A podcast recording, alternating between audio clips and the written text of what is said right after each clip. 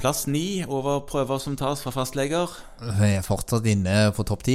Ja, vi kommer ikke til å komme ut av topp ti eh, resten av tiden her nå. Men denne Godt prøven poeng. poeng. eh, ja, Den prøven her, den skulle kanskje heller ikke vært så høyt oppe. N- Nei, du det er skulle ikke fritt. vært så høy, var det du sa. Ja. Dette er en prøve som heter Fritt T4. Ja. Tyroksin. Tyroksin, ja. eh. Ja. Så det er stoffskifteprøve. Og, og når den heter fritt T4, eh, Ja, så betyr det jo så det er det da. fordi at noe av T4-en er bundet til transportproteiner. Ja.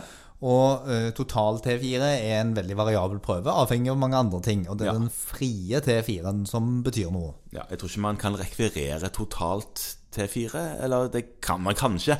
Men på listen her er det fritt T4. Det er det det er. Og det er den biologisk aktive biten som er interessant for oss og den som eh, vil ta prøven. Ja. Og nå er jeg egentlig inne på det, for det er veldig mange som vil ta denne prøven.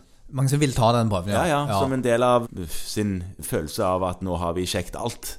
Eh, Bare, ikke Ja. fordi de føler seg syke, men bare for å bekrefte friskhet. Ja, Ja. eh, og ingen prøver, dette, dette vet jo du, og, og mange, er at ingen prøver kan bekrefte friskhet. Nei, det kan Så det kan vi ikke bruke noen som helst analyser til. Eh, Det må man stole på.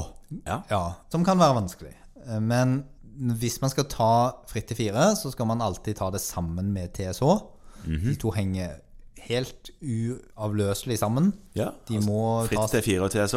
må tas sammen hvis man skal ta de. Mm. Eh, Og da er det for å utrede mistanker om stoffskiftesykdom.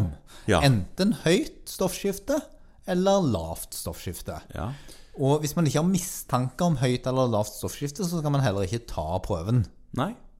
Fordi at den, den kan, og i hvert fall ikke D4, Nei. kan brukes som noen som helst prediktor på om eh, du vil utvikle stoffskiftesykdom. Nei, det er riktig.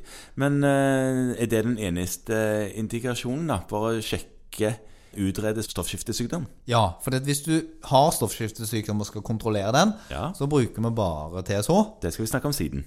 Får jeg, håpe det. Jeg kan, Mhm. jeg kan røpe det. Du kan røpe det. Ja, for jeg vil jo håpe at den ligger høyere på listen. da. Vi har ikke snakket om det nå i julekalenderen. Nei. Og det ville jo vært veldig dumt hvis bare den ene prøven du skal bruke sjelden, var kommet inn. Ja, og det er, det er helt riktig. Disse to prøvene ligger ikke side om side som disse kolesterolprøvene som vi har snakket om, gjør. Som jo bør gjøre det. Ja. Mens denne her, fritt T4, den ligger et stykke unna TSH, Ja. som er bra. Så, så er det noen ehm, sånne små ting rundt. Altså, den må tas medikamentfastende hvis du først velger å ta den. Ja, hvis du først velger å ta den av en pasient som bruker levaksin, Ja. eller stoffskiftemedisin. Ja. Og så er det noen sånne feilkilder, det er noen medikamenter som kan påvirke resultatet. Men alt i alt er det en ganske sånn robust prøve. Og hvordan er det med gravid igjen? Det er jo noe med det, eller er det TSH det? Hos gravide så er det TSH-en som Ja, eh, da s- venter vi med det. lager problemer. Da venter vi med det. Eh, sånn at der trenger man ikke bekymre seg så mye på det foreløpig. Nei. Nei.